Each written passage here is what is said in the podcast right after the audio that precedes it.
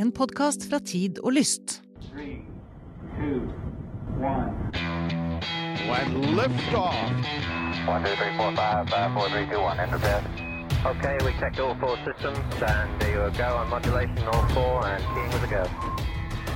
Quality base here. The Eagle has landed. Du hører altså på din absolutte favorittpodkast om alt som rører seg i verdensrommet, og som rører seg på bakken, som kanskje er på vei opp i verdensrommet. Og eh, aller først, da, eh, så får vi i, denne episoden, som skal være litt sånn catching up eh, på current affairs, så må vi snakke om Boca Chica. Eh, når dette tas opp, så ble det akkurat ikke uh, en uh, oppskytning av altså noe sånn eh, For jeg, jeg switcha litt innom og så på streamen til Everyday Astronaut eh, i, i går kveld, eh, og der det kom jo litt sånn røyk ut av raketten, og den sto der og klar, men så var det noe Det var admin, rett og slett. Det var admin. Uh, I går var det helt klart, og dette er da Da skjønner jo folk De som fulgte med, skjønner at dette her er da fredag. I går så var det uh, så, så, var de klare. De hadde tanka opp, og du kunne se frosten på For når de fyller opp med dette superkjølte brennstoffet, så danner det seg jo frost på utsiden av raketten, så de kunne jo se at den var klar. Uh, Elon Musk hadde fløyet inn med sitt private jetfly, for det følger man jo på Twitter. Alt var, var Ja, det var egentlig bare å trykke på knappen og så var det, det amerikanske, de amerikanske luftfartsmyndighetene, FAA, som altså da må gi klarering for å fly opp, og det er jo ikke så rart, fordi det flyr jo fly der oppe hele tiden, og du kan jo ikke liksom mikse potensielt eksploderende raketter og passasjerfly, så da må man, da må man tømme luftrommet, og, og, for å gjøre det så må man fylle visse krav. Og FAA mente i går at nei, SpaceX hadde ikke fylt ut søknaden sin riktig, og ja, for å si det sånn, uh, Elon Musk fikk en liten meltdown på Twitter. Som han jo av og til gjør. Det virker jo fair. Altså, når det er en ja, sånn der ja. uh, pencil pusher som sitter et eller annet sted og sier at nei, er dere ikke kryssa ja. i riktig boks? Det er litt sånn, og jeg, jeg tenker at og, og, dessuten, altså vi skal ikke glemme at dette koster veldig mye for dem å gjøre. Uh, altså å, å, tanke opp og, og tanke av, og, og, vi skal ikke glemme at hele altså uh, man vet jo også når de skal skyte opp, fordi at det er en liten by i nærheten som må tømmes for folk, og veiene må stenges, og havet utenfor må selvfølgelig også blokkes av. Så det er en ganske omstendelig og kostbar prosess, så jeg skjønner jo at de, de ble litt sure. Når dette sendes, så er det jo meget mulig at de har gjennomført en neste testflygning da, med det som heter SN9. Så i så fall så har dere Nå har dere lært, vi, vi, vi, er, ikke, vi er ikke Dagsnytt. Vi, kan, vi, kan, ikke gå live på sånne ting ennå. Uh, men uh, vi får håpe at de får det til. Men hvis ikke de gjør det, så er jo dette en del av prosessen, da. Og det er jo jeg ser jo at uh, det er ganske mange der ute som er veldig frustrert over ja, men når skytes den opp? Du ser det i kommentarfeltene til Everyday Astronaut for eksempel. Det er masse folk som sier sånn ja, når skjer det, når skjer det? Og han prøver å forklare veldig tålmodig at dette her er testing av helt ny, revolusjonerende teknologi. Dere må forvente forsinkelser, eksplosjoner, ikke sant? Ja, Ruds. Du må, må forvente noe Ruds. ja. Det må det bare være. Det. Ja, ja, ja. ja, ja. Nei, så, så, jeg fremdeles så, så, hvis det skjer eh, før dette går, så håper jo jeg selvfølgelig at det ble en vellykket landing, men uh, jeg er fremdeles der at jeg tror det er 50% sjanse for en uh, rapid unscheduled, unscheduled disassembly, da. Det er jo det. men, men, i men, andre ja. In other news, eh, så på andre, andre fronter, så, så, går det bedre og mer som planlagt eh, for, eh, for SpaceX, som, som, jo driver og pusler da litt ved siden av disse rakettene som kanskje, kanskje ikke flyr, med noen raketter som flyr hele tida og som eh, sender opp eh, ikke bare internettsatellitter, men eh, de begynner også å gi, gi vår, vår, hjemlige potensielle oppskytingsarena på Andøya litt konkurranse her, Eirik?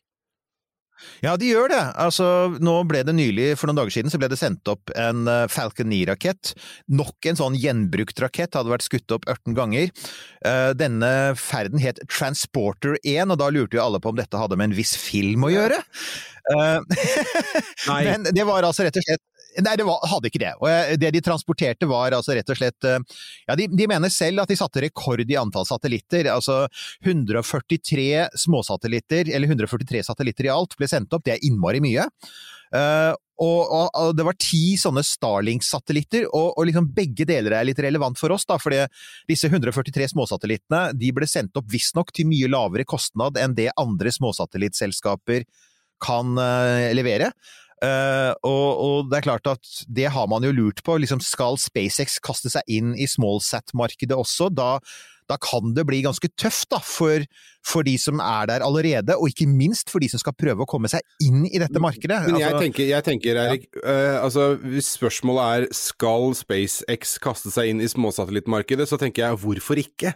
Hvorfor skal de ikke gjøre det? Nemlig. For at de har jo alt på stell, så for helvete, det er jo bare å sende opp uh, litt færre Starlinks på akkurat denne flighten, så kan vi ta med oss og få penger. Ikke sant? Og, og den eh, raketten vi nettopp snakket om, eh, altså SN9, som jo er prototypen til Starship Starship får så vanvittig med løftekapasitet og skal skytes opp i alle retninger hver dag, ifølge selskapet. Det er klart, de kan slenge med seg de, hvis, de, hvis det er noen som har en småsatellitt på ti kilo som de vil ha opp, så kan selvfølgelig SpaceX slenge med den. Så, så det er Ja, det er et ganske tydelig varsel om at de som skal sende opp småsatellitter framover, de må være innmari gode til å selge inn på noe annet enn ren pris, for jeg, tror ingen kan slå SpaceX på pris. Det, det, de, de har allerede utkonkurrert alle andre, så da må det bli andre sider da, ved, ved produktet. og det de alltid kommer tilbake til, er at ja, hvis du for eksempel bestiller en rakett, eh, en eh, småsatellitt hos Rocket Labs, disse våre venner i New Zealand, med Peter Beck, New Zealands eh, Elon Musk, så, så kan de De er veldig klare på det at ja, men du kan få satellitten eh, hvor du vil, når du vil, og i hvilken retning du vil. Du slipper å vente på 142 andre, da, som det jo var tilfellet med her. Eh, og det er et godt argument, men hvis eh, Det er jo folk der ute som har regna på dette, som sier at altså, eh, en småsatellitt på eh, på, på Rocket Labs koster fem millioner dollar, som for øvrig er veldig billig, da. Men allikevel, det er fem millioner dollar. Og visstnok skal de som fikk sendt opp med SpaceX ha betalt rundt én million dollar, som jo Og da må du begynne å regne på det og si at er fem millioner liksom, Er villig til å betale fire millioner dollar mer for å slippe venting, hvis du skjønner hva jeg mener? Ja, men det, altså da, det- argumentet blir jo etter hvert også helt meningsløst, all den tid eh, SpaceX etter hvert skal ha sånn eh, daglig transportetappe mellom Oslo og Kragerø, på en måte. Da, da, da, er, da er det ikke noe vits i, for da skal det jo opp et eller annet hver eneste dag. Og, og, og så da i løpet av, ja, la oss si ti dager, da finner eh, den, eh, den eh, raketten som skal omtrentlig dit du vil, så er jo ikke det regnestykket så veldig vanskelig å regne hjem. Det er ikke det, og, og så, så, så dette blir veldig spennende å følge, rett og slett. fordi at uh, her, her skal altså rett og slett Norge kaste seg inn i et marked som er i rivende utvikling, som man vel pleier å si om sånne ting. Altså her, her er det teknologiske fremskritt som skjer omtrent hver eneste dag, og, og vi skal, man skal jobbe hardt, altså. Jeg, jeg håper og tror fremdeles at de skal fikse dette her, men, men ak si sånn, akkurat nå så ble konkurransen enda hardere. Og så skjedde det enda en ting da dette, i dette markedet, for så kom jo da Virgin inn i dette. Ja, du, hva skjer med det når plutselig er Branson tilbake i, i gamet her? Ja! Det var litt overraskende. Ja, Og- egentlig, for at nå Nei, og så var det, det var, det var jo det, og så eh, var det også et eller annet med den måten de valgte å gjøre det på her, som jeg syns er litt sånn original, da, om ikke annet. Jeg, jeg får Ja. noen sånne minner til Chuck Yeager og, og X1-greier her.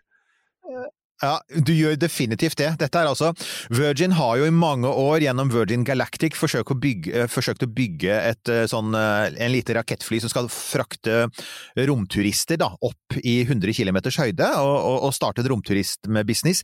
Det har de ikke fått til ennå, og de sliter veldig med det. Og, og det var noe sånn som tolv år siden de skulle ha skutt opp folk, og de har enda ikke skutt opp betalende passasjerer. Så men parallelt med det så har de satset på å skyte opp småsatellitter, og da har de stiftet et selskap som heter Virgin Orbit. Og de har, i motsetning til alle andre der ute, valgt, som du sier, uh, i, i The Right Stuff så ser man det jo, Chuck Yeager hang vel under vingen på en B-52, med, eller et, det var ikke en B-52, det var vel et annet. Korriger meg i kommentarfeltet. Men i hvert fall hang under vingen på et uh, stort eh, bombefly med sin Bell X1 da, da, så, da han brøt gjennom lydmuren. Um, og det er altså omtrent det samme som Virgin gjør med sin, eh, med sin nye rakett. for at de bruker altså en av selskapets for Virgin er jo også et svært flyselskap. Det var vel opprinnelig et plateselskap som bare har blitt større og større og Glemt større. kjernevirksomheten sin, er det de har gjort. De, de har vel egentlig det. De kom seg ut av musikkbusinessen, og det, det kan man jo kanskje skjønne dem for, liksom. Men uansett, da. eh, De eier jo da masse fly som flyselskap, og de eier også da blant annet en eh, gammel 747, Boeing 747. Det er jo en stor, kraftig eh, krabat. Og det det, man, det, det jeg ikke visste, var at veldig mange 747-ere har en skinne under sin venstre vinge som kan brukes til å transportere eh, erstatningsmotorer. Hvis det er en eh, Boeing som står strandet på en flyplass langt unna hvor det ikke finnes en sånn motor, så kan du fly inn en 747, og da flyr den faktisk med fem motorer. Men den motoren er ikke i drift, altså, den er bare kobla dit. Og det er den skinnen de da istedenfor å frakte en erstatningsmotor, så frakter de en rakett som kan skyte opp satellitter. Nice! Eh, Ja, og det er jo litt sånn eh, Det er eh, minste motstands vei på et vis, men, men dette her er jo en litt sånn måte å gjøre ting på, hvis ikke jeg husker helt feil, som de har vært ganske fan av uh, lenge. Eh, Dette her med å, å først få noe opp eh, med et vanlig fly, for så å fyre det videre. For det gjorde de vel også eh, helt sånn tidlig i den her eh, Når de sendte opp noen folk i lav bane bare så de fikk smake litt på, på vektløsheten, så hadde de også det prinsippet der med at det var en sånn todelt sak. Et fly som fløy opp, og så var det en rakett under der som, som tok videre når de hadde kommet noen eh, tusen fot opp. Ja da, og det er jo mange fordeler med å bruke fly til å, å, å sende opp også. Altså, en ting er at du faktisk får drahjelp, altså du får jo Du starter med løpefart, så det gir deg litt ekstra drahjelp. Du kommer over skyene, og det gjør at du er mye mindre væravhengig, for det er jo, dette er jo noe vi kjenner veldig godt til, det er jo ordet scrub, ikke sant, med at eh, slike eh, oppskytinger hele tiden avlyses på grunn av dårlig vær på bakken. Vel, altså kan du ta det over skyene, så, du, så slipper du unna det. Du kan også fly til områder hvor det er mindre hvor det er penere vær. Eh, du kan fly unna boligområder, du er altså mye mindre avhengig av at du skal, sånn som da SpaceX må gjøre med sine raketter, altså folk må flyttes unna når de skal skyte opp. Det behøver man jo ikke her, for jeg bare tar det over fra en vanlig flyplass, og så flyr du utover havet, og der hvor det er helt tomt, og så skyter du opp. Eh, og så er det jo en ting til, da, det er at du kan jo velge oppskytingsplattform. Du kan jo bare fly denne Boeingen med den digre raketten under vingen egentlig hvor som helst i verden, og der kommer relevansen for Norge igjen. Eh, Virgin Orbit har allerede snakket om at de har lyst til å eh, bygge en, eh, eller oppgradere en flyplass i Cornwall i England, eh, til å kunne ta imot eh, denne 747-eren og bruke som rakettbase, og blant annet eh, pumpe inn rakettbrennstoff. Og det kan de gjøre på ganske kort varsel, og det betyr at de kan være på plass med et småsatellittilbud i Europa før alle andre. Ikke sant? Men du, eh, når vi snakker om, eh, snakker om småsatellitter og snakker om utfordrere til Andøya, så la oss snakke litt mer om Andøya da, Eirik. Eh, For der, det beveger seg jo sakte, men sikkert. Ja, der skjer det jo ting, da. Og det får jeg si endelig, for nå har vi jo, vi har jo vært veldig spent på liksom når kommer man i gang? Og det er jo et spørsmål vi også ganske ofte får i, fra lytterne våre, er jo det. Ja, men hva skjer da? For eksempel, når skal de skyte opp den første raketten? Når kommer de i gang med utbyggingen? Når kan man reise dit? Og eh, Saken er jo at, at så langt så har man, man har fått eh, penger fra det offentlige, eh, man har private investorer, og nå skal utbyggingen av selve plattformen, oppskytingsplattformen, den skal i gang for alvor, og det må jo skje det må jo skje i løpet av dette året hvis planen om å skyte opp um, i første kvartal 2022 Det er altså ca. et år til de skal skyte opp, ifølge det siste som eh, Odd Roger Enoksen, og vi hadde jo Odd Roger i podkasten vår, så det kan dere eventuelt gå og lytte til. Uh, Det er altså ca. et år til Uh, planen er å, å skyte opp den første satellitten til jordbane fra norsk jord. Og da skal de, altså da må, skal de jobbe hardt, men de, er da, de sier at de er, de er i gang. Um, Og så har de litt utfordringer der. eh, Det er, det er litt sånn Ja, som Hold på å si de vanlige! Ja, det var det jeg skulle si. Som, som vanlig når noe skal bygges av en viss størrelse i Norge, så er det alltid noen som kommer med innsigelser, og det er litt sånn eh, Ja, hva var det? Det var noe Var det noe eh, bevaringsverdige ting i nærheten der, og det var noe dyrehold og noe greier. Du var redd for at kuene eller sauene skulle bli redde. Sauer! Ja, det er, altså det er kulturvern, og det er viktig. Og uh, igjen, her har jo Dette er jo noe av det som da selvfølgelig uh, uh, Igjen er fordelen for uh, type Virgin, med at de, de, tar av og lander fra flyplasser. De slipper å tenke på det, ikke sant? Elon Musk har den fordelen at han kan kjøpe et område i Texas, og Texas har, for å si det pent, litt, litt slakkere lover på sånne ting i Norge. Tror, tror, vi veit jo hva Texas er, for å si det sånn. I Norge er det ganske mange regler for sånn, og det handler om kulturvern, og det handler også om selvfølgelig dyrevern. Og det er altså sauehold på Andøya. Det er jo som rimelig kan være. Og så er det en fylkesvei 7698 går rett i nærheten. Uh, og selvfølgelig, som under alle andre oppskytinger alle andre steder, der må det stenges. Uh, hvis, når, når, det skal skytes opp. Og, og, alle disse tingene er ting som man liksom da må ta man må avklare, og, og der er det frem og tilbake da, mellom de lokale myndighetene og utbyggerne, men planen er at, og, og, de regner med å komme i gang med utbyggingen for fullt. Og inntil de sier noe annet, så, så går vi for at de er klare til første oppskyting. Og vi veit at de har, at de har um, kunder klare, så det, det, er ikke det. Det, er, det handler om å ha oppskytingsplattformen klar. Så da, er, da, har vi et år på oss Nils Johan, til å planlegge en episk livestream. Du, jeg, jeg satt akkurat og liksom, hadde ja. sånn liten film i hodet om at vi skal reise til Andøya og det, være ja, ja, der.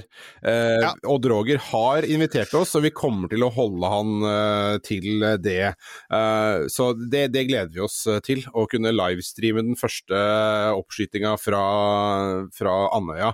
Uh, bare krysse fingrene for at uh, det skjer, og at ikke det er noen uh, sauer som setter kjepper i hjulene eller, eller bæsj i raketten for akkurat det der.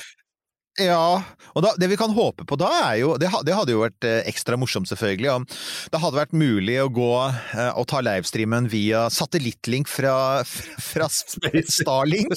For det, det vi må, dessverre, det blir litt mer SpaceX-nyheter, for de, de, har gjort så sjukt mye de siste ukene. For på denne her transporterferden så fulgte det altså med ti Starlink-satellitter, og det nye med dem er at de går i polar bane, dvs. Si at de går over Nordpolen, og det betyr at for første gang så er det Starlink-satellitter som er synlige fra Norge. Og for alle Starling-satellitter fram til nå har ikke gått høyere enn 53 grader nord, og, og, tidligere så har jo Elon har vært ute og sagt at nei, han har ikke sett på det nordlige markedet som så veldig interessant. Nå har han tydeligvis ombestemt seg. Nå skal de begynne å pushe satellitter også i, til høye breddegrader, og det betyr at også Norge kan få dette tilbudet Helt sikkert ikke til neste år, men det kan godt hende at det kommer fortere enn vi tror, fordi dette, dette, selskapet er jo notorisk for plutselig å rulle ut en beta her og der, da. Ja, og du har vel allerede satt deg på en eller annen sånn venteliste for å få internett? Eh, vet, vet, hva, jeg har ikke med en av lytterne våre har gjort det for oss, og jeg har allerede sagt han, han, han bor faktisk rett oppe i hogget her i forhold til uh, hvor studio ligger, og jeg har sagt at hvis han, hvis han får en sånn diger uh, Starlink-dish, da er han selvfølgelig gjest i studio, hallo, altså den første norske Starlink-kunden i Norge må Så vi, han er allerede invitert. Uh, Men du, også, ja. uh, mens vi er innom eh, SpaceX, da. Eh, så skal ja. vi knytte sammen Starlink og Andøya og utbygging der med oppskyting som leder tilbake til Virgin Orbit og hvordan de gjør det. For SpaceX har jo også vært eh, ikke bare og ikke fått skutt opp raketter, men fått skutt opp raketter. Men de har jo også eh, vært og handla litt på bruktmarkedet. Ja. Og, og de har, ja, jeg liker at de allerede har fått navn, det syns jeg er fint. At de som har kjøpt to gamle oljerigger og så så høres det ut som noen dritkule rombaser allerede.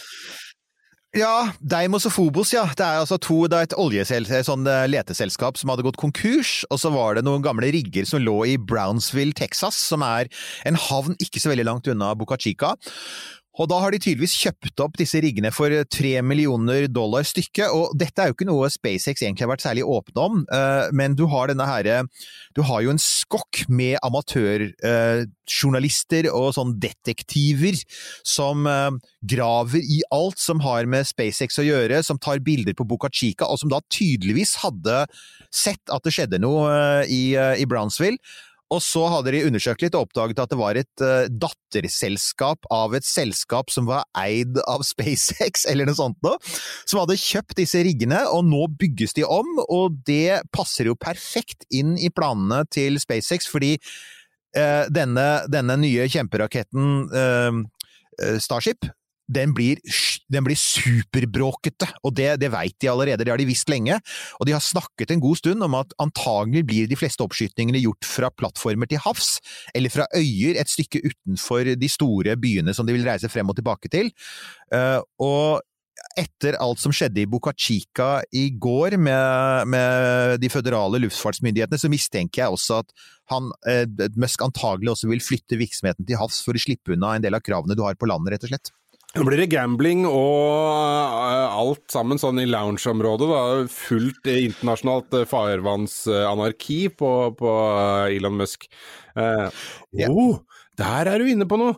Tenk deg det, da. Så, han kan selge en sånn liten weekend på, på Deimos eller Fobos, eh, hvor du da Ja. kan ny, nyte en, en bedre middag på, på kvelden der, og så er det en liten sånn jacuzzi på, i suiten, da, hvor du kan sitte med utsikt og utover dette havområdet. Og så er det da dagen etterpå, så er det frokost, og med da påfølgende rakettoppskyting. Eh, som du kan overvære. Det er, der er en forretningsplan. I would buy that. Og hvis du sier det til Elon Musk på Twitter, så er det overraskende ofte at han da sier ja, men det gjør vi. Og så hender det at det endrer sånn ja, eh, kan ikke du lage en flammekaster? Ja, det gjør vi. Sånn, det, vi er jo der. Eh, sånn helt til slutt så har det også da dukket opp rykter om at eh, SpaceX faktisk også har kjøpt rettigheter til å utvinne naturgass nær Boca Chica. Texas har jo en stor olje- og gassindustri. Eh, og visstnok så er jo det fordi at eh, Starship skal jo brenne metan, eh, og metan er jo naturgass, så planen er tydeligvis at de da, hvis dette blir noe av, at de skal hente opp sin egen naturgass og produsere den på stedet. Det er jo ikke veldig klimavennlig, men som eh, mange påpeker, det er mindre klimauvennlig enn å kjøpe naturgassen og frakte den over lange strekninger i tankbiler. Så planen, den, den egentlige planen er jo at Starship skal bli karbonnøytralt på sikt, men i, i, i hvis dette stemmer, da, og her er vi fremdeles litt på ryktestadiet, hvis det stemmer, så er det klart at da får jo den godeste Musk et veldig forklaringsproblem i forhold til miljøprofilen sin, da. Da, plutselig er han ikke bare blitt oljerigg-eier, men faktisk også naturgassutvinner. Og så skal han begynne med skal, fracking. Eh, ja, skal begynne fracking og ikke sant, akkurat det. Det, liksom, det neste er at han begynner å drepe delfiner. Nei, jeg, jeg, jeg, skal Det skal bli veldig interessant å se hvordan den utvikler seg, men, Men jeg tenker, men det er bare, Eirik, akkurat det der, der er jo det er litt sånn tullete semantikk. For at det, altså, alle vet at å skyte opp raketter til verdensrommet brenner fryktelig mye drivstoff som ikke er av, liksom, av den batterisorten eller noe sånt. Og Så, så det der, der med Det er litt sånn Klima- og miljøhensyn er jo ikke, er jo et ikke-tema, strengt tatt, innafor den sfæren der. Det er det, og, og siden det tross alt fremdeles er slik, og det, det, det har vi vært inne på før og kommer sikkert tilbake til også, altså at, at selve mengden klimagass som slippes ut av rombransjen er forsvinnende liten, og vil faktisk fremdeles være det når, når Starship kommer i gang. Og det er rett og slett fordi at vi slipper så sjukt mye ut fra, fra andre typer virksomhet. Så.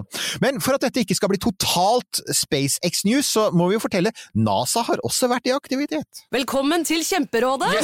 Denne gangen har vi fått inn et kjempedilemma fra en familie. Jeg leser Hei, vi er litt uenige i familien her.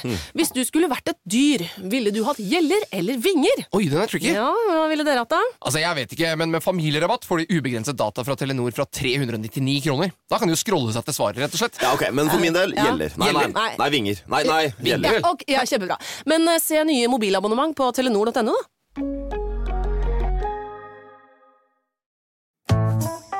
Har du et enkeltpersonforetak eller en liten bedrift? Ikke det? Nei. Nei, men da holder vi det enkelt og gir oss her. Fordi vi liker enkelt. Fiken superenkelt regnskap.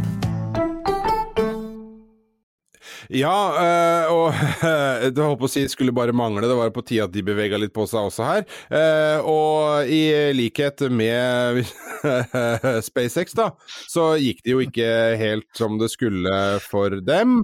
Eh, hvil, Nei. hvilket det jo eh, ser ut til at det sjelden gjør når vi kommer til eh, dette prosjektet som hvis de hadde tatt Hvis vi, hadde, vi skulle bare legge vekk alt annet og bare tenkt fornuft, så burde de ha lagt ned det greiene her for lenge siden. Men det har de ikke gjort. Nei, vi snakker om Space Launch System, den store måneraketten som uh, nå har vært bygd i ti år og har vel kostet rundt 20 milliarder dollar, og koster 2,5 milliarder dollar i året, og ingen vet helt når den letter, men nå skulle det endelig, nå skulle de gjøre en av de siste testene med de, faktisk de fire motorene som skal brukes på den aller første testraketten. De skulle, de skulle prøvekjøres i det som da kalles for en green run, for å se om de fungerte. Uh, og de fungerte sånn halvveis, for å si det sånn. uh, der satt vi, jeg var jo, jeg fulgte jo med, jeg hadde en livestream på i bakgrunnen. Det, altså, jeg jeg må si hjemme hos oss så er det nå livestreamer nesten alltid av en eller annen rombegivenhet, og jeg veit jo at det er eh, mange av de som hører på som også er der. Jeg kan bare si at jeg, jeg, jeg på, på, vegne av podkasten vil jeg beklage til ektefellene der ute som må leve med at det alltid står på NASA, Everyday Astronaut, eh, nasaspaceflight.com og alle disse her. Ja. Så Boca Chica Girl, så beklager så mye, men det er nå hva det er. Jeg fulgte med, og kult, flott avfyring, masse flammer, masse damp, som det jo er, uh, som kommer ut fra For det er fire romferjemotorer. Uh, det er jo faktisk fire brukte romferjemotorer som er, er pussa opp. Og så skulle det ha vart i åtte minutter, og så kutte det da etter ca. ett minutt. Ja, og ide ideelt sett så er jo ikke det sånn som skal skje. Det skal ikke skje, og det de oppdaget da var at det var ikke en veldig alvorlig hardware-feil med selve motorene, det var noe med kontrollsystemet på disse motorene som, eh, som, som, som, for, eh, som styrer retningen på rakettflammen, og eh, det er ingen tvil om at dette har de kontroll på, at dette får de fiksa, men det er liksom nok et tegn på at dette prosjektet er det tar fryktelig lang tid å få gjort ting. De har brukt liksom ti år å komme til denne green runnen, og så, så, snubler de. Og så er jo da spørsmålet, fordi det er disse rakettene som faktisk skal brukes, så de må få testet dem. Og spørsmålet er får vi nok en forsinkelse i SLS-prosjektet, som allerede er sterkt forsinket. Uh, planen er jo å, sende opp den aller første SLS med den aller første Eh, på den aller første Artemis-ferden, det nye måneprogrammet til NASA heter Artemis. Artemis 1 skal sendes opp med SLS i slutten av dette året, er planen. Oktober, november, desember dette året. Men så er jo da spørsmålet om det som nå skjedde eh, med, med, denne testen, om det fører til forsinkelser, om de da forplanter seg gjennom systemet, og at vi da istedenfor ser en oppskytning i starten av 2022. Eh, det er, det er storspørsmålet, rett og slett. Og det er jo ikke Hvis man skal se på tidligere erfaringer fra SLS uh, eh, så er vel ikke det helt usannsynlig. Uh, og nå kanskje de, kan, altså, Én ting er, ja, jeg kan tenke at de kanskje kan uh, føle presset, det bør de jo i aller høyeste grad. Kjenne kniven på strupen, på god vei inn mot adamseplet, den kniven. Uh, men så er det også et eller annet med at han uh, oransje fyren som sa 'boots on the moon', han ja. er ikke sjef lenger, så de kanskje chiller litt på det. Og så er de jo Jeg skjønner jo også at de vil at ting skal funke, og at de ikke tar kål på noen når de skal skyte opp en rakett for første gang på x antall år, men, men allikevel, det her altså Jeg har sagt det før, jeg sier igjen, det her begynner jo Det er jo tøysete. Det begynner jo å bli helt ja. idiotisk.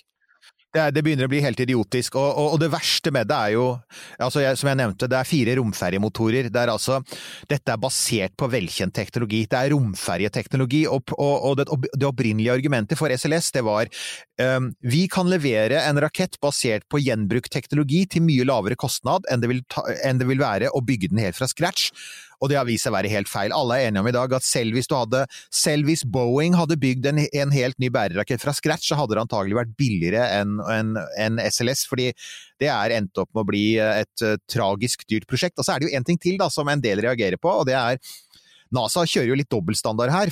Vi dekket jo i, i fjor så dekket vi oppskytingen av Bob og Doug, de to første astronautene med SpaceX Falcon 9, ikke sant? Og, før de kunne fly opp, så måtte Falcon 9 ha sju vellykte, perfekte ferder før de i det hele tatt kunne sendes opp, ikke sant? Planen NASA har, er å sende opp astronauter med Artemis 2. Altså, de skal ha mhm. én test av SLS, og så skal du ha astronauter på mm. nummer to. Og det er sånn, Da er det mange som sier men unnskyld meg, skulle vi ikke ha sju tester av SLS også? Det er også da i strengt tatt en ny rakett. Og så har NASA sagt nei, nei, det er gjenbrukt teknologi, og så tester de den, og så ups, der var det feil. Ja. Så ja, eh, det, det er det, Dette her er Igjen så er det liksom sånn dette er nye NASA versus gamle NASA, de som fikk oss til månen, og det er mange som eh, Jeg er en av dem som sier at NASA som fikk oss til månen, var et litt annet NASA enn NASA i dag. Og, og de, de, de, trenger, de trenger all den konkurransen de kan få, altså. Dette her er jo litt sånn øh, Du vet det ordtaket med feie for egen dør og bjelke i en A og flis i øyet og det der greiene der sånn? Ja. ja. Rings a bell? Er, å, definitivt. Og, og, og, det er også en påminnelse om hvor, i hvor stor grad det amerikanske romprogrammet er, er, er ren politikk. Uh, et eksempel da, I går kveld så det, fikk jeg en e-mail fra en skoleelev som sa hva er egentlig grunnen til at vi reiser tilbake til månen? Og, og da sa jeg jo, og det er jo delvis sant, da. Det enkle svaret er at vi reiser tilbake til månen, fordi månen er, har, det er enormt mye vi ikke har utforsket, og det har bare vært tolv mennesker der det veldig kompliserte svaret, som du egentlig ikke kan skrive i en skolestil, er at dette er, dette er dirty politics, ikke sant? Det er jo det det er. Så det er jo dette At vi drar til månen og ikke til Mars, handler veldig mye om at delstaten Alabama har en romindustri, og at uh, Alabamas senator pleide å være veldig mektig mens han oransje fyren styrte. Mm. Så ja. Men du, uh, la oss uh, fortsette på, på, på lista ja. her, for da skal vi forlate det statlige og tilbake til han skall... Nå skal vi til han skalla fyren som også har masse penger penger, som har tjent på å selge deg bøker og, og ting og tang. Ja! For det beveger seg der også. Ja, det, de sier så. Altså, det er jo Blue Origin som også har en stor rakett som de ennå ikke har sendt opp, og så har de en liten rakett som de har lyst til å bruke, som heter New Shepherd, som de vil bruke til å sende opp turister i verdensrommet. Og de har da faktisk De har vært ganske flinke til å skyte opp denne lille raketten, som uh, for øvrig er den har et utseende som gjør at den egentlig burde ha en sladd på YouTube, mm. men, uh, men den, uh, den, har fløyet mange ganger nå, og de har oppgradert raketten, og de har også oppgradert selve romkapselen. Og nå har de altså uh, Nylig så testet de da Uh, romkapselen uh, De skjøt opp til over 100 km, og de testet romkapselen som skal brukes til å sende opp turister seinere i året. Så nå går jo ryktene. Uh, blir det turister på den neste ferden? Eh, det kan allerede være i mars-april. Eh, noen tror at det kan skje seinere i år, men jeg tenker at eh, hvis Blue Origin er smarte og vil ta litt sånn luften ut av seilene til SpaceX, som totalt dominerer romnyhetene nå, så må de få noen astronauter opp i rommet. Så hvis Jeff Bezos, Amazon-duden som eier Blue Origin, er litt smart, for en gangs skyld, for han har somlet veldig, så så får han astronauter opp så fort som mulig. Det, det tror jeg ville vært en det, en det, kommer til å bli en veldig sånn stor uh, sånn uh, PR-seier, i hvert fall, for selskapet. Ja, det er jo det det, det, jo det blir. Uh, en PR-seier. For at du, som du sier, altså du må jo gjøre en ganske stor splash hvis du skal klare å liksom detrone Elon Musk et lite sekund. Uh, og da, da, bør det være noe som uh, noe spektakulært med litt schwung over. Men eh, vekk fra turismen til mer sånn matnyttige ting, og mye lenger unna. Eh, vi vet jo at det er eh, ting på vei som begynner å nærme seg. Eh, tre stykk eh, små, koselige roboter som er på vei til den røde planeten. Eh, og dette gleder vi oss veldig til, Eirik. Vi gjør det. Det er jo da altså Hope-satellitten, som jo er den første um, arabiske romsonden, interplanetariske romsonden fra De forenske arabiske emirater, er det vel. Og så er det kinesernes uh, satellitt og uh, Mars-robot Tianwen 1. Er det, er er det riktig uttalt? Tian, Tianwen. Nei, Nei, sikkert ikke! Jeg kan bare igjen beklage hvis det er noen der som vet åssen det uttales. Og så er det, og, og, og begge de to er visstnok i god form, og det er også Perseverance, NASAs Perseverance. Alle tre ser ut til å sende signaler. Vi må ta et lite forbehold om den kinesiske, fordi at kineserne er glad i å holde kortene tett i brystet, men alt, alt vi vet om det tyder på at de er underveis, og, og ting funker. Og det blir ankomst til Mars i februar for alle tre, til litt forskjellige tidspunkter. Uh, og det er Perseverance som er, selvfølgelig er mest interessant, fordi det, den er mest avansert, men ikke bare det, det er den som har den mest dramatiske landingen. Disse to andre de skal gå inn i bane og ha litt god tid, men Perseverance den skal fly rett inn i atmosfæren på Mars. Og lande i løpet av sju minutter. Og, og det vi vet er at det må skje den 18. februar, og det må skje ca. 21.30 norsk tid. Altså, hvis ikke den klarer det, så krasjer den, ikke sant? Det er bare så, så ja. Du, eh, vi eh, Dette må vi jo bare sitte og følge med på når det skjer. Perseverance. Eh, En av de mest fascinerende menneskene som, og historiene som vi har hørt i Romkapsel på veldig lenge, eh, kommer jo fra nettopp PI-en på Rimfax, som er da på Perseverance, eh, Svein Erik eh, Hamran. Eh, gå og hør den episoden hvis du ikke har gjort det allerede. Det er veldig, veldig gøy å høre på. Og vi må jo eh, få lodda stemninga litt grann opp i huet til Hamran eh, sånn eh, rett før det skal landes. Og så har han lovet at han skal komme tilbake til vårt studio etter at eh, Perseverance forhåpentligvis har landa trygt, eller den har feila totalt. Uansett så må vi få en liten debrief, så det kommer. Det kommer, det er uten tvil. Og så er det, så er det, en, så er det en ferd vi ikke har snakket noe om, da. Egentlig. Det er jo nesten Men det er Det, det bør vi kanskje rette opp en Ja, den har vel blitt nevnt så vidt. Eh, Vi har vært innom det når vi var innom alle disse forskjellige sondene som eh, er på vei et eller annet sted. Juno eh, skal et stykke lenger enn Mars. eh, og Ja, den er, den, ja, den er ute ved Jupiter øh, og går i bane og tar masse, masse nydelige bilder og gjør viktig arbeid.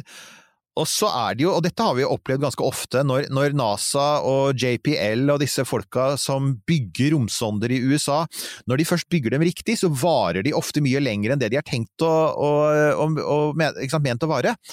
Og det har skjedd her også. Altså Juno-sonden, som har kretsa rundt Jupiter en stund, er, er i såpass god form fremdeles at um, nå er, eh, har NASA rett og slett forlenget den ferden med fire år, og det er litt interessant for oss, fordi det de skal bruke sonden til nå, det er at den skal passere nær flere av Jupiters måner flere ganger, deriblant Europa, som vi har snakket om mange ganger, denne ismånen med mulighet for liv under isen, og som også skal undersøkes av flere sonder i framtiden. Og da har jo Juno et problem, og det er et strålingsproblem, og det har vi snakket om.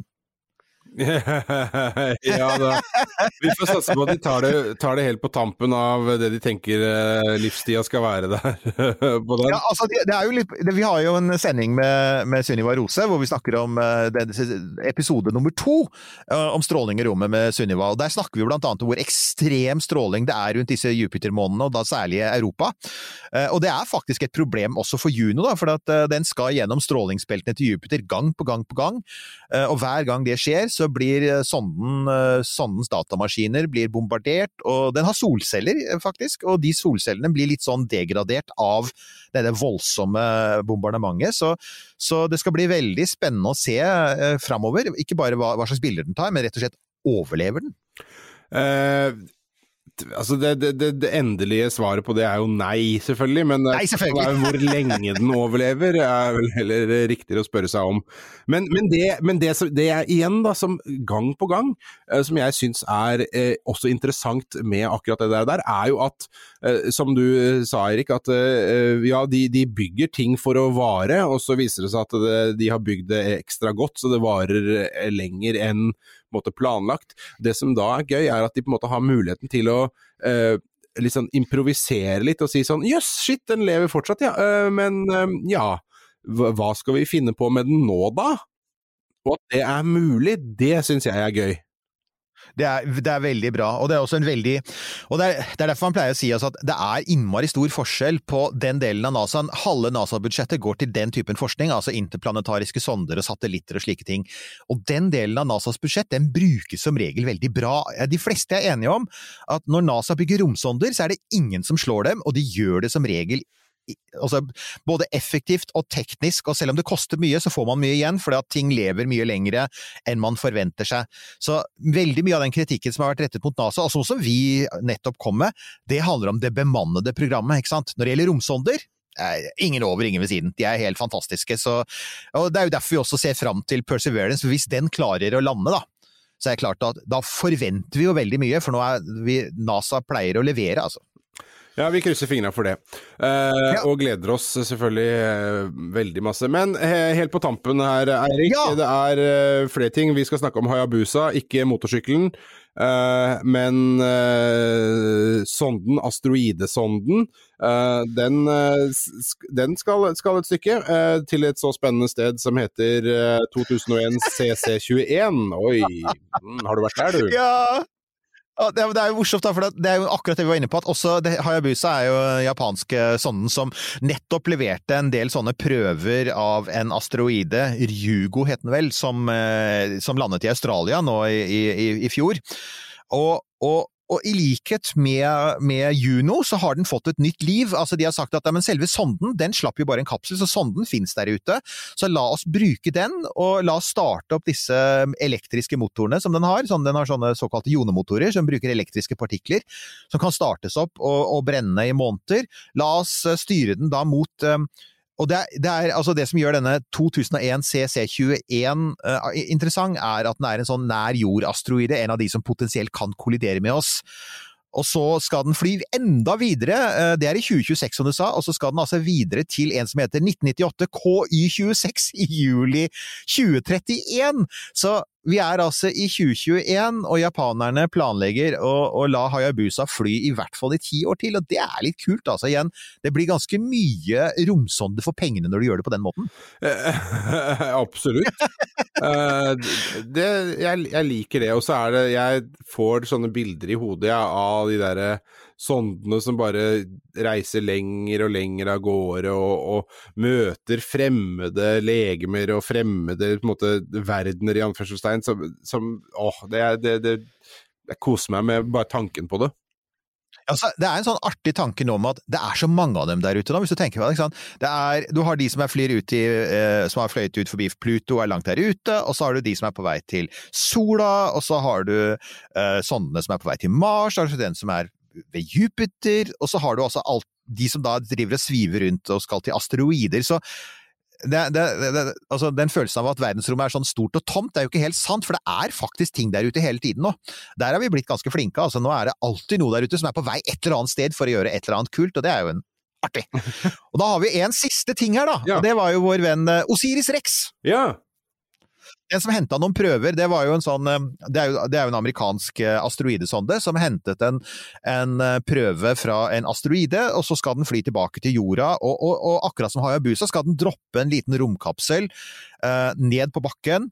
Det skjer i 2023, og så skal selve hovedfartøyet, Osiris Rex, det, det overlever jo. Det skal fly videre, og da skal også de sende det videre. Og de skal da sende den til en asteroide som heter Apophis. Og den har en del av lytterne våre hørt om, for den har, faktisk, den har vi fått spørsmål om, og det er Apophis, er ikke det den som kommer til å komme veldig nær jorda? Er ikke det en av de som en liten stund var redd for kunne treffe jorda? Og det er det! Bam, bam, bam. Bam, bam, bam. Og saken er den 13. april 2029. Dette vet man jo, for man, eh, dette er noe astronomer kan beregne. Så skal den passere nær jorda, og den skal da passere 31 000 km fra jorda. Og det, da får jeg bare minne om at det er under banene, det er under geostasjonær bane, så den vil altså passere liksom mellom de geostasjonære satellittene og jorda. Uh, og ja, det er en hårsbredd unna i verdensromsammenheng. Den kommer ikke til å treffe, men den passerer veldig nær.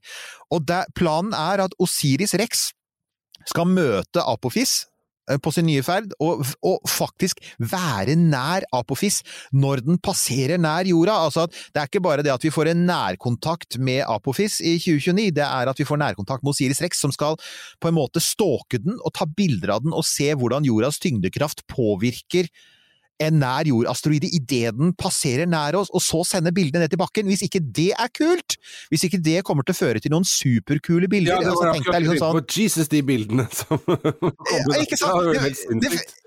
Ikke sant? det finnes jo noen bilder som er tatt i, altså, i både i Deep Impact og, og i Armageddon, ikke sant? de to store asteroidekatastrofefilmene. Eh, så finnes det noen sånne bilder hvor du, har, du, ser, liksom- du ser asteroiden suse mot jorda, og du har liksom asteroiden, og så har du jorda i bakgrunnen. De bildene kan vi faktisk komme til å se om noen år. Så ja, det blir kult! Ja, det blir kult. Det, Så- det er mye, det er mye der- glede å grue seg til. Det er det, så der var en sånn liten oppsummering, folkens. Da, og, og, vi, og hvis dere liker dette, så er det meget mulig at vi gjør noen sånne oppdateringer i fremtiden. De er av og til nødvendige å gjøre, rett og slett fordi det skjer så sjukt mye der ute, og vi kan ikke ha en spesialsending om alt det som skjer, for da måtte vi produsere sendinger nesten hver dag. Og det har vi vel strengt tatt ikke kapasitet til, kan vi vel si? Nei, vi la oss bare være ærlige på det, da. Uh, men neste gang si, si det. Det er, ikke, det er ikke vilja det står på. Det er ikke vilja det står på, det er ikke det. Og, og det stoffet er eh, Det er overveldende mye og spennende. Så da er det altså Skal legge ut med i, Selvfølgelig som vanlig på, på Facebook eh, og på Twitter, og så skal vi selvfølgelig også lage en bloggposting med shownotes. Da vil dere finne lenker til mange av disse nyhetssakene, og, og, og, kunne, og da vil vi også helt sikkert, hvis det har skjedd noe med Starship SN9 innen dette går ut, så kan jeg si at dere vil helt garantert se noe om det på Facebook-sidene våre, for det, det legger vi alltid ut. Og da, hvis det finnes en innmari kul film av en landing eller en uh, rudd, så vil jo den også ligge der. Ja, spesielt Rudd. Ja. Jeg vet ikke hva jeg syns er kulest med akkurat det der, om det er Rudsa eller landinga. Jeg tror jeg lander ned på landinga, for det er altså så gøy å se på. Ja, jeg, jeg, satser på det, og, og jeg også jeg tenker altså, Det er kult å se dette første trinnet til Falcon 9 lande, men nå, nå er jeg blitt litt sånn blasert. Det er sånn Å ja, det landa igjen, ja. Ok, whatever. Det som er forskjellen her, er jo at Falcon 9 lander som regel langt ute til sjøs. Og der er satellittforbindelsen dårlig, så de har ofte ganske dårlig livestrøm av det. Det er ofte sånn ganske blokkete bilder i lav oppløsning. Her kommer det jo til å være massevis av langlinsede kameraer i tillegg til uh, SpaceX egne. Det kommer til å bli så vakkert, folkens! Så det er bare å fortsette å følge med. Vi, vi, sier det sånn, uh, husk at ja. uh, vi er på Facebook, som er nevnt. Det hender det skjer ting på Instagram. Og kjøp deg gjerne en T-skjorte eller en kaffekopp. Den kan også ha solbærtoddy i, hvis det er ønskelig i disse kuldetidene. Og som alltid så er vi ikke blygere enn at vi sier tusen takk for det som du kunne tenke deg å bidra med på VIPS. Bare søk opp romkapsel der. Og så skal vi bare si det sånn at vi, vi, vi høres igjen da fra hver vår lille satellitt neste gang du trykker på play i, i din podkastspiller.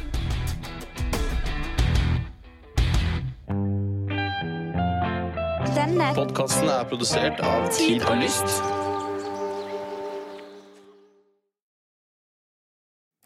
Har du et enkeltpersonforetak eller en liten bedrift? Da er du sikkert lei av å høre meg snakke om hvor enkelt det er å levere skattemeldingen med fiken, så vi eh, gir oss her. Fordi vi liker enkelt. Fiken superenkelt regnskap.